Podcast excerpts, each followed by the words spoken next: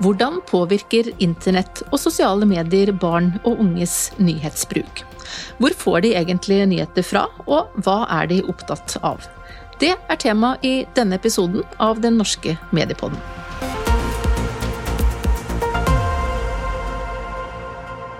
Vi vet at eh, de fleste barn og unge tilbringer mye av sin våkne tid på skjerm. Men hva bruker de all denne tiden til? Er det bare fjas og mas, eller får de med seg noe av det viktige som skjer i verden? Det kan jo vi voksne i hvert fall lure på av og til, og da kan jeg jo spørre deg, Mikkel Kolbensen, du er 16 år og går på Oslo katedralskole. Og har du fått med deg noe på mobilen i dag som du vil kalle for nyheter? Nei, eh, jeg vil ikke si at i dag så har jeg ikke fått med meg veldig mye.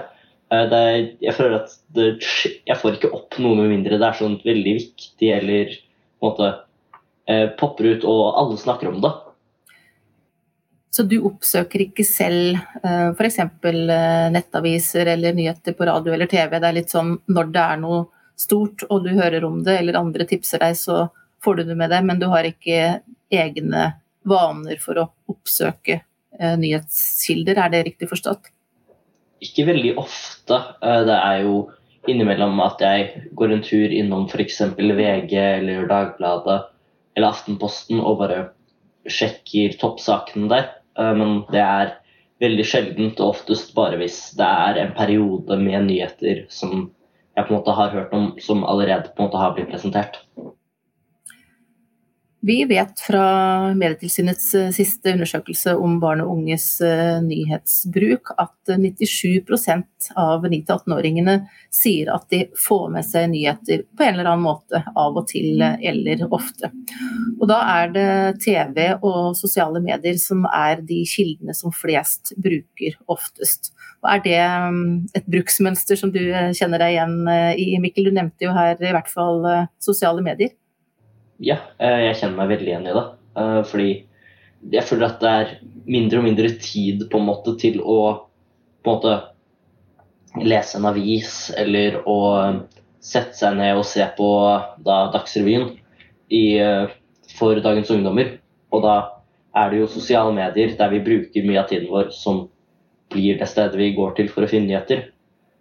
Og da er det jo Da får, da får jo jeg personlig får opp nyheter på YouTube f.eks. mest, eh, hvor det bare dukker opp i feeden, feeden min, og står det ja, ah, 'Dronningen er død', f.eks. Kom i feeden min for et par uker siden. For det fikk du med deg? Det, det fikk jeg med meg. Det, det, fikk jeg faktisk med meg eh, uh, fra start. fordi jeg satt Det sekundet så satt jeg i et rom med åtte personer som hadde VG-appen installert på telefonen sin.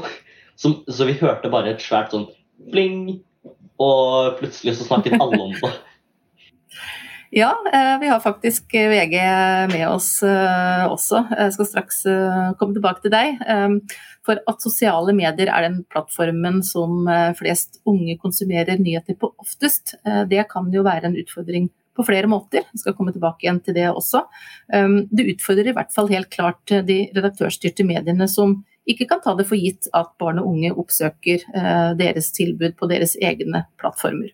Og For å nå barn og unge så er det jo da flere medier som har utviklet tilbud f.eks.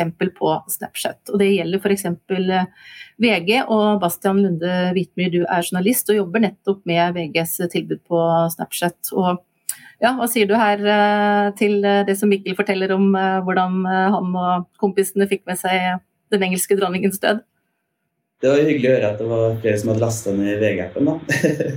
og så vet jeg at det er veldig mange unge i Norge som uh, bruker Snapchat og VG på Snapchat for å bli oppdatert på hva som skjer. Og i starten uh, når vi, VG satser veldig hardt på Snapchat og har vært til stede ganske lenge. I starten så ble det kanskje litt sånn sett på som ikke en fullverdig uh, nyhetsoppsummering, men jeg tror nok i stor grad man kan sammenligne det med en Dagsrevyen-sending. da, det skal være en oppsummering av alt som har skjedd eh, de siste 24 timene, som er viktig for å få med seg.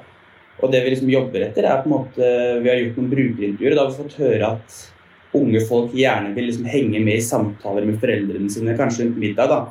Eh, så tanken er på en måte at man skal få et oversikt over det viktigste som har skjedd. F.eks. når dronningen har dødd, eller andre ting som skjer. da. Men så er det jo mye nyhetsbilder som kanskje ikke angår unge i like stor grad. Det er mye politikk som kanskje de har ikke stemmerett, så man føler kanskje ikke like tilhørighet på mye politikk. Og så er det mye det er veldig mye nyheter som skjer som kanskje ikke er alt man må vite for å føle at man henger med i en samtale. Så vi prøver på en måte å holde det så kort som mulig, men også så oppsummerende som alt som har skjedd.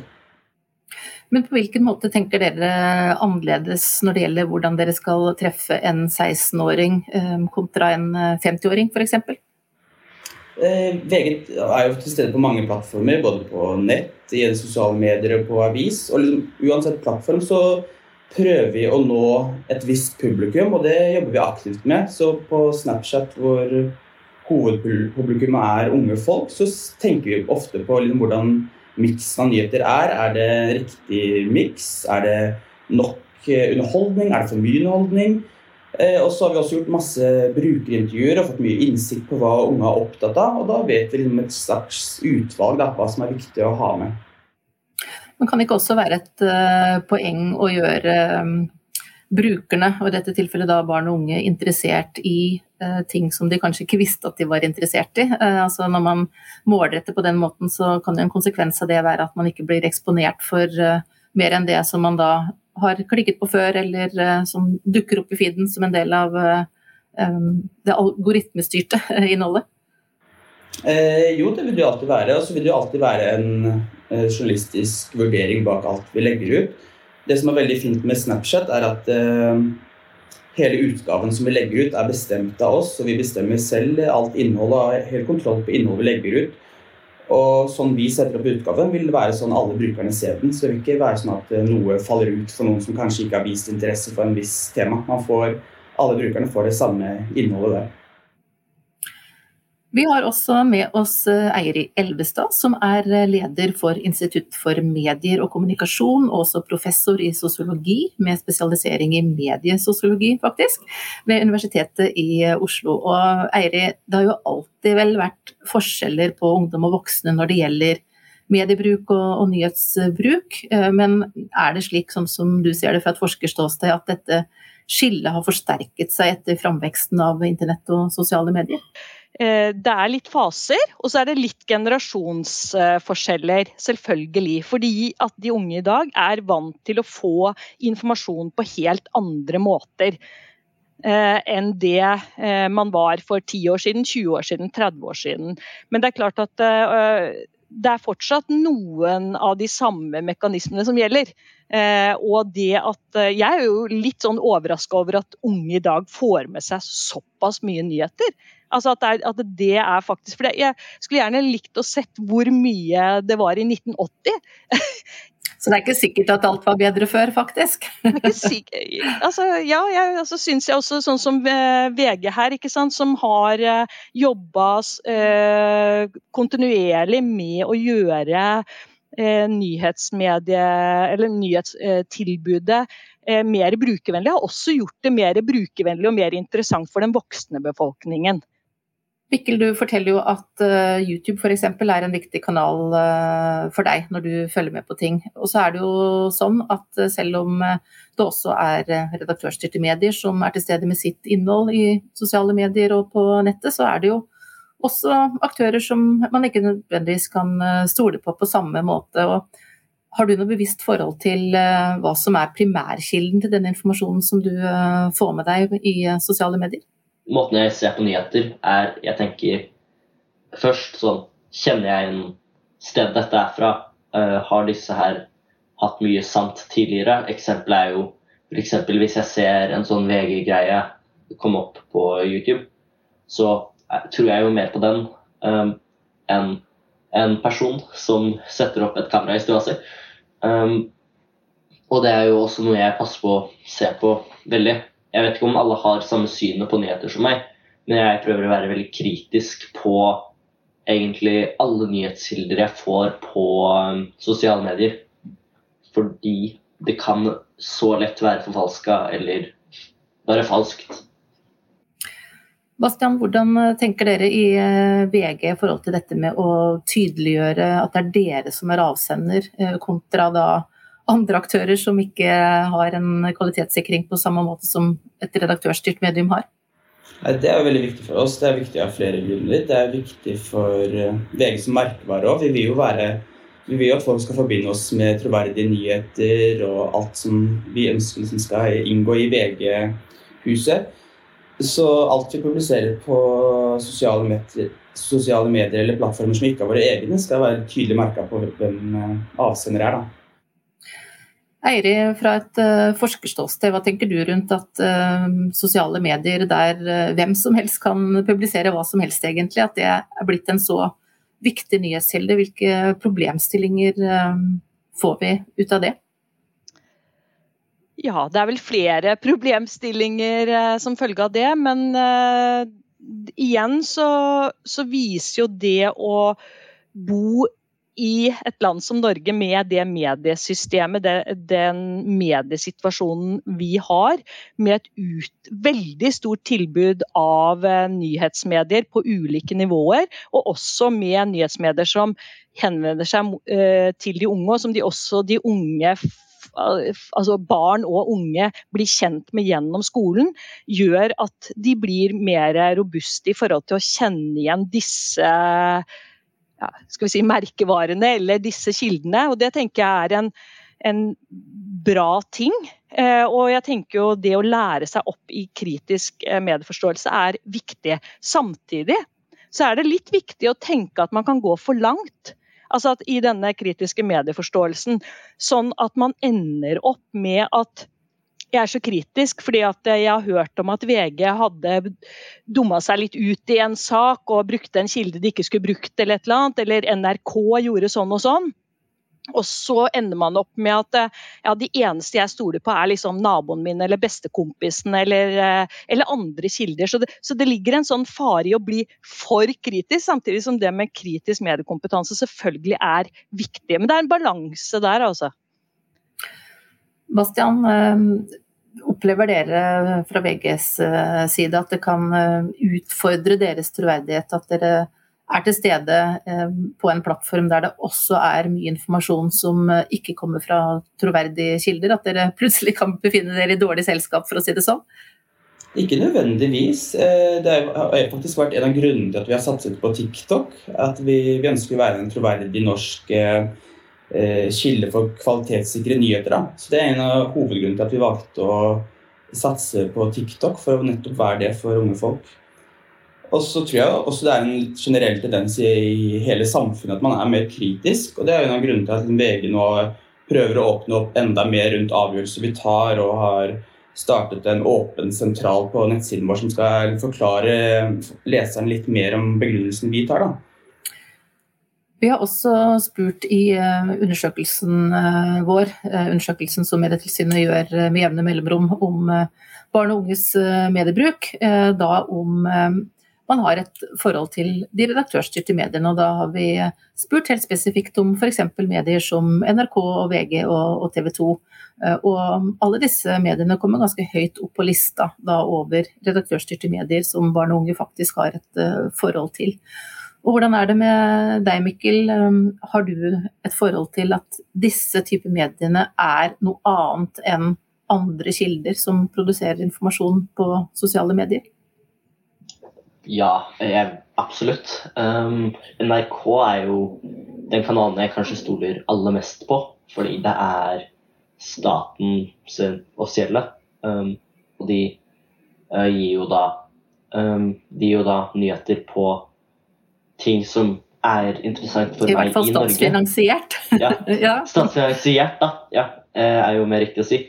Um, og så har du jo VG og de store nyhetshusene er jo også veldig troverdige, føler jeg. Fordi, nettopp fordi de er såpass store, og hvis de begynner å gjøre ting på en måte feil eller sånn, så vil jeg føle at det ville vært veldig backlash veldig fort. Men hva så... gjør du hvis du ser noe du er i tvil om at er sant da, eller kommer fra en kilde som du ikke har vært borti før, eller lurer på om er til å stole på? Hva, hva gjør du da? Hvis jeg er interessert i saken, så sjekker jeg det. Um, Med andre kilder? Jeg sjekker det ofte mot da NRK eller VG, sånne ting som kanskje har skrevet om dette. Ukraina har jo vært et tema som det. Et tema som er så utrolig mye forskjellig at da vil jeg helst se på noen som har hatt en historie av å være sannferdige, istedenfor å se på en person som igjen satte opp et kamera i stua. Dette er vel eh, noe som vi kan si at vi liker å høre, Eire. Dette er vel eh, kritisk medieforståelse i praksis, hvis man gjør det sånn som eh, Mikkel forteller om her. Det er jo fint hvis man har et mediesystem som har stor tillit. Eh, et, altså, på den måten, og at man kan stole på det, og at man føler at man eh, kan det, og at barn og unge opplever at de har eh, et sted de kan gå og sjekke. Og jeg tenker også det som Bastian Lunde her fra VG snakker om, at de også er åpne om eh, hvordan de jobber for å få best mulig, riktigst mulig, mest mulig balansert informasjon ut. Det tror jeg også er veldig viktig at man hele tiden har den der pågående diskusjonen internt i eh, mediene.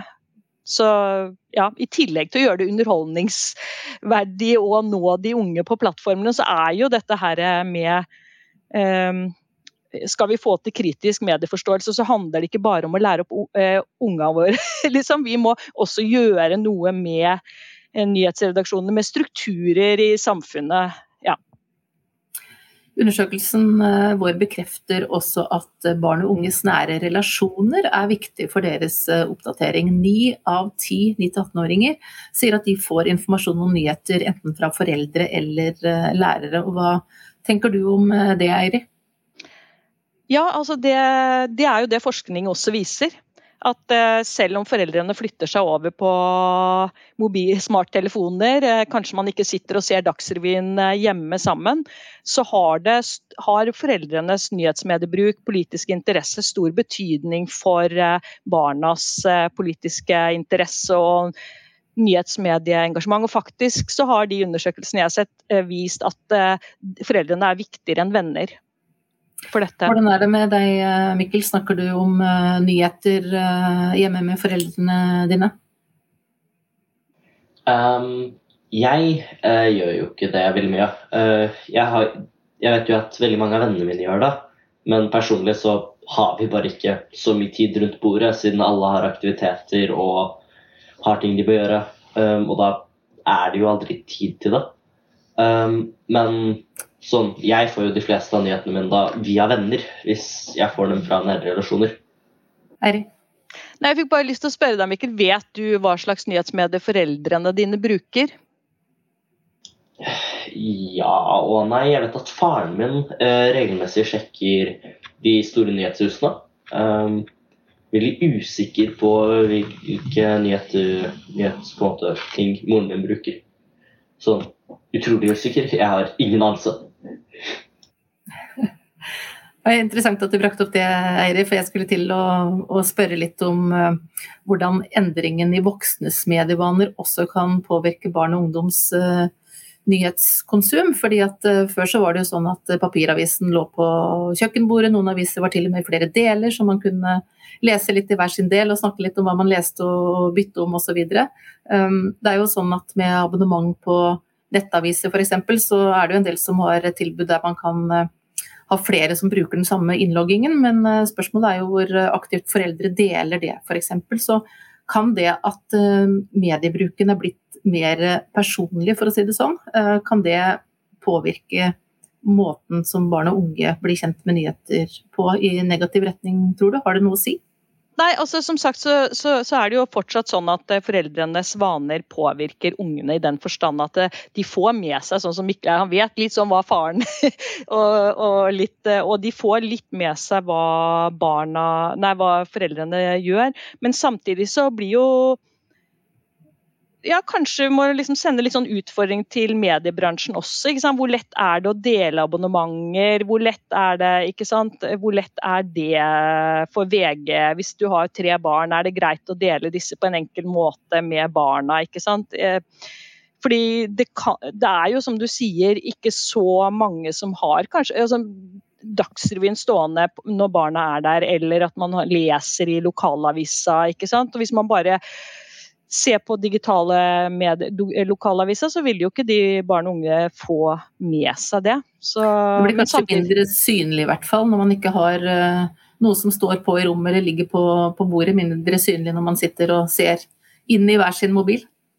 Men samtidig så tror jeg vi trenger mer forskning på det. For det, det, er jo et større tilbud. ikke sant? Det er lettere å dele nyhetssaker og, og si 'logg deg inn og se her, bruk min brukerkonto'. Altså, det ligger jo større muligheter også for å dele eh, fra foreldrenes side. Hva tenker du fra eh, bransjens ståsted her, eh, Bastian, om eh, denne problemstillingen? Nei, det er nok en kjent problemstilling, og det er jo en av grunnene til at vi er på på, i sosiale medier for å lage nyheter til unge, er at de skal bli kjent med VG-logoen og kjenne igjen den over tid. Eh, jeg tror også Det er en av grunnene til at eh, NRK skårer så høyt på troverdighet. og sånn, fordi at Man er vant til å se NRK med familien på TV og sånn. Og så er det jo litt sånn når papiraviser forsvinner, så ser man på en måte ikke VG-logoen i en sammenheng med foreldre og andre, eh, andre rundt seg. da. Så Det er jo en av grunnene til at vi er på Snapchat, akkurat pga. den problemstillingen der. Og så vet vi jo, akkurat som hvis vi snakker om deling av nyheter, vi vet at på Snapchat så er det mange som tar skjermbilder og sender nyhetene til hverandre. Da. Så det, det går nok både i pluss og minus. Vi har også spurt i undersøkelsen hva slags nyheter barn og unge er interessert i. og her kommer globale nyheter, altså fra andre land enn Norge, eh, foran både nasjonale og lokale. Og Hvordan eh, stemmer det med VGs erfaringer i forhold til eh, hva slags saker som går godt, Bastian? I enkelte tilfeller så stemmer det faktisk det ganske korrekt. altså. Jeg husker et brukerintervju vi hadde, og da var det en elev vi snakka med som fortalte veldig om en eller annen flomkatastrofe et sted i et, i et land. Og da ble det fort veldig tydelig at eh, i klassen hans så var det mange som hadde besteforeldre i det landet. Eh, så jeg tror nok på en måte yngre folk er mer opptatt av eh, nyheter i utlandet nettopp fordi det er mer flerkulturelle blant gjengen deres. Hva tenker du Mikkel, er det det som skjer ute i verden eller det som skjer nærere deg som du er mest opptatt av? Vel, uh, jeg får jo mest nyheter om det som skjer i verden. Uh, hvis jeg får noe om landet, så er det nasjonalt. Jeg får nesten aldri lokalt. Men Skulle du ønske du fikk uh, tilgang på mer lokale nyheter? Eller er ikke det så viktig ja. for deg? Ja, jeg skulle ønske jeg fikk iallfall noe mer. Det hadde vært fint å vite f.eks. ja, den veien er stengt, bussene går ikke riktig. Sånne ting. hadde jo vært veldig fint. Iallfall for meg som bruker kollektivtransport hver dag, så ville jo sånne nyheter vært veldig fint. Og den finnes jo der ute, men da er det mer at den ikke når deg av seg selv, holdt jeg på å si, eller at du ikke oppsøker den aktivt? Ja, det er jo det. Uh, Ruter har jo på appen sin så har de jo sånn Den bussen går ikke riktig, uh, og sånn. Men innimellom så finner de ikke eller, ut av det. Eller uh, lokale NRK-sendinger eller andre lokalaviser osv. har vel også en mm. del av denne typen informasjon, men den, den, når deg ikke, da, rett og slett? Nei, den uh, når meg ikke. Uh, det var en ting vi snakket om tidligere, det var jo det med å dele abonnementer og sånn. Jeg fant jo ut at det er veldig usikkert på sånn det, Jeg sjekka både VG og Dagbladet, og VG tillater deg jo bare å dele med én person, så man kan ikke ha et felles familieabonnement. Du kjøper jo ett abonnement, og så kan du dele med én enkelt person. Så hvis man da er en familie som er veldig interessert i nyheter, så blir, er det jo da ulovlig å dele på kontoen på den måten. Uh, og så har det vært noe sånt. Så jeg føler at det kan være litt vanskelig å på en måte få på tilgang til de Fordi jeg føler at alle de viktige sakene blir på en måte låst bak pluss. Og da er det enten betal 40 kroner i måneden eller um, håpe at en i familien gjør det, og håp at de ikke har brukt delelenken sin allerede. Ja, dette er et stort spørsmål, og det ligger vel litt utenfor ditt ansvarsområde i VG, Bastian. Men vil du dele noen refleksjoner rundt dette med tenkning rundt tilgjengeliggjøring og abonnement likevel? Eh, ja, det er jo interessant det jeg hører her nå, men jeg, jeg, føler også at VG Eller jeg vet at VG også har veldig mye åpent det meste i nyhetsbildet skal være åpent eh, på VG. Og så er det enkelte saker som vi har eh, brak pluss, og vi har mye underholdning på pluss og mye dokumentarer. Men så er det også sånn at vi, det er en del av eh, sånn VG har satt sammen, og som vi tjener penger på. Men så vil jeg jo vil jeg tenke at det meste eh, innholdet og det, det, meste som blir lest, er åpent. Og det er også den linja vi har lagt oss på, at vi deler jo åpent på alle sosiale plattformer. På Instagram, på Snapchat og på TikTok så deler vi hele saker. Det skal ikke være noe sånn at du må eh, klikke deg inn på VG og betale noe for å få hele nyheten. Du får hele nyheten der du er. Eirik, jeg hadde lyst til å spørre deg også, eh, som da er um, forsker. Eh, har det skjedd eh, en utvikling over tid i takt med den globaliseringen som internett har ført med seg, som gjør da at barn og unge i dag kanskje er mer interessert i det som skjer ute i verden enn det nære? Tror du det er det som er årsaken, eller er det andre mulige forklaringsfaktorer på at det globale står så sterkt i denne målgruppen? Ja, som jeg pleier å si når vi er forskere, så er det litt sånn på den ene siden, ja vi har blitt eh, kanskje mer globale, vi har fått globale plattformer, vi har fått mer tilgang til eh, globalt nyhetsinnhold. Eh, men på den andre siden så er vi jo fortsatt i vår nasjonale, lokale kontekst. Og så er det jo litt sånn, Vi kan jo se på hva er det man svarer på når man spør om globale nyheter eller internasjonale nyheter. Jeg vil tippe at veldig mange gutter er opptatt av engelsk fotball.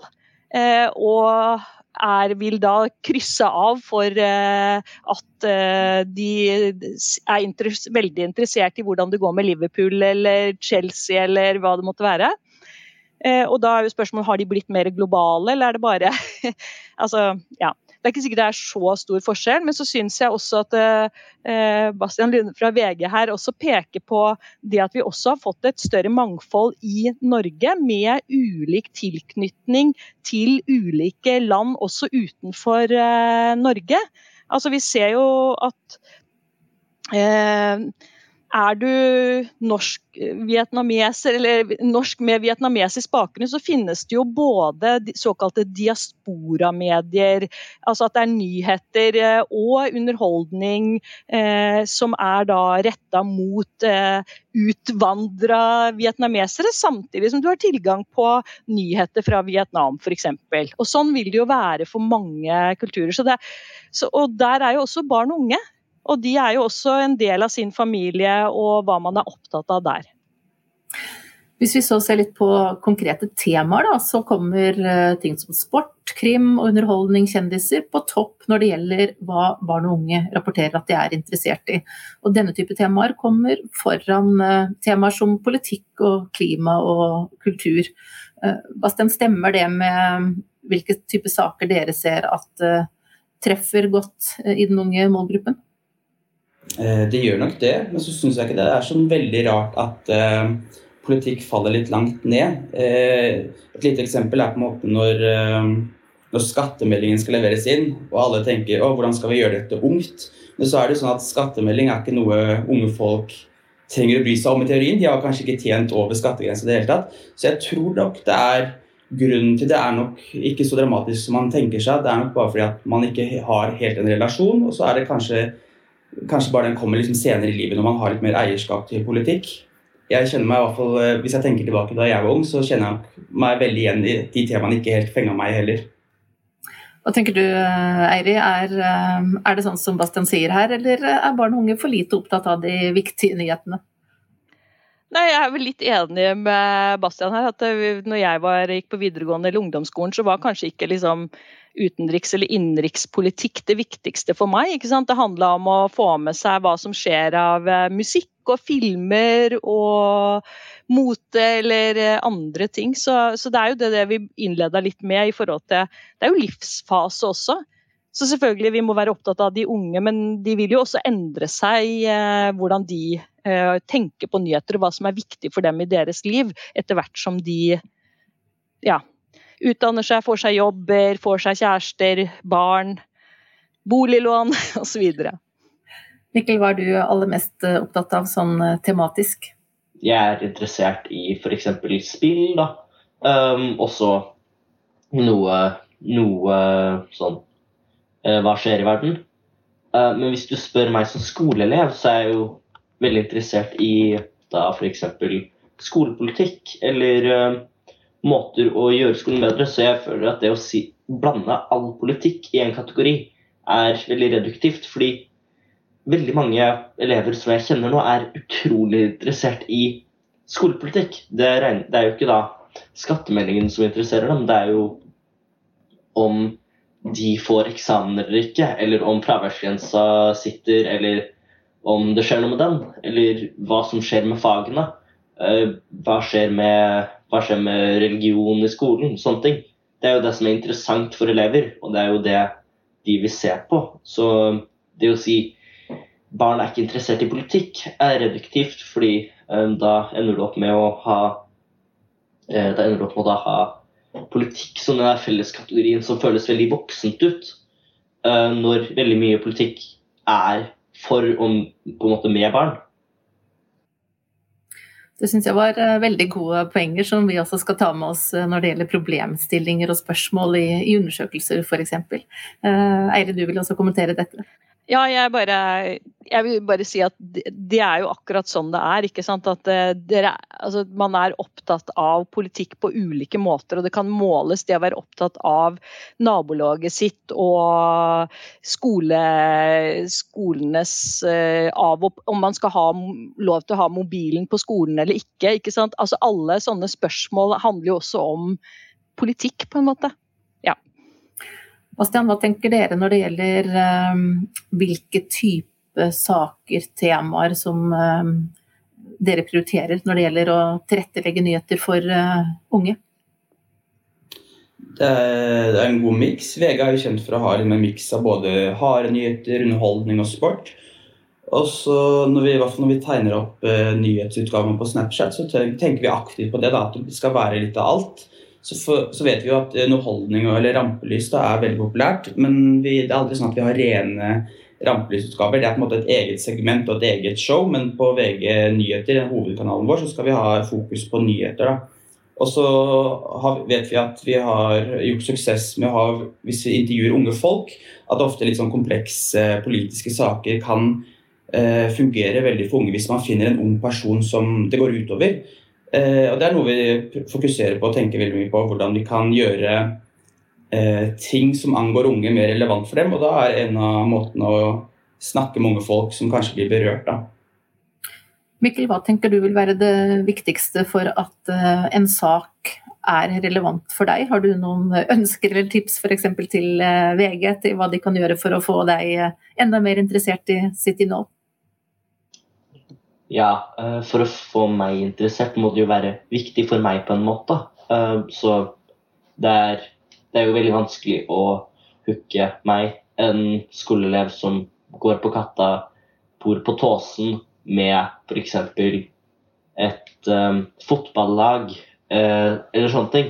Fordi jeg er ikke interessert i det. Så det er jo mine interesser som er veldig viktig for at jeg skal gidde å lese en nyhetssak. Um, La oss si at vi har et uh, tema da, som du i utgangspunktet er interessert i. Hva skal til, og hvordan bør den saken presenteres for at den da skal fatte din uh, interesse utover at du i utgangspunktet er interessert i temaet? For det er vel sannsynligvis ikke nok til å fange deg? Ja, uh, det er jo det. Um, en ting jeg har merka, er at hvis man prøver å på en måte få til et tema, så er det viktig å bare det er viktig å forklare hva det handler om vise på en måte saken selv fra bare tittelen. Men pass på at det er nok mysterie, nok, uh, nok sånn Å, hva var det egentlig som skjedde i, i uh, nyheten fortsatt? Til at jeg går Oi, dette er interessant. Å, det har skjedd. Oi, jeg må lese mer om dette. Uh, Istedenfor at det er en tittel som forklarer som basically er hele saken forkorta ned til en setning. Um, så hadde det vært fint å på en måte ha en nyhet som hadde på en måte introduserte saken på en engasjerende måte. Så du må bli litt nysgjerrig, rett og slett, du, før du går løs? Ja, absolutt. Vi skal uh, begynne å runde av litt. Jeg har lyst til å spørre deg, uh, Eirid. Du har jo fulgt både mediebildet og mediebrukere over, eh, over lang tid. Eh, sånn som eh, situasjonen er i dag. Er du optimistisk eller pessimistisk når det gjelder barn og unges forhold til nyheter? Jeg er mest optimistisk, og så er jeg som veldig mange også litt bekymra både for at det kan bli for mye informasjon, og at vi ikke vet uh, hvor riktig informasjon vi får. Så det er jo en del knytta til det, men uh, mest optimistisk, vil jeg si. Og jeg tenker jo et uh, mediesituasjon som vi har i Norge i dag, det er jo noe vi lett tar for gitt. Eh, men sammenligner vi oss med veldig mange andre land i verden, så har jo ikke barn og unge det tilbudet og den satsinga og de ressursene som skal til for å både se på algoritmer, lage, produsere innhold for, eh, innhold for barn og unge. Eh, så det er litt sånn jeg tror vi må være litt sånn på det. Når jeg sier at jeg er optimistisk, så er det, handler det jo om at eh, det er fordi at jeg tror at eh, VG, NRK og det store mangfoldet vi har av nyhetsmedier, er en ressurs som vi også må eh, ta hensyn til og bruke vel inn, i, inn, på nye plattformer og hvordan vi forholder oss til ulike plattformer. Så ja, jeg vet ikke om det var svar på mm. spørsmålet ditt, men derfor så er jeg på en måte optimistisk. Men vi har en jobb å gjøre. Tusen takk til Eiri Elvestad, som er leder og professor ved Institutt for medier og kommunikasjon ved Universitetet i Oslo, og til Bastian Lunde Hvitmyr, journalist i VG, og ikke minst Mikkel Kolbeinsen, som går på Oslo katedralskole. Jeg heter Mari Welsand og er direktør i Medietilsynet.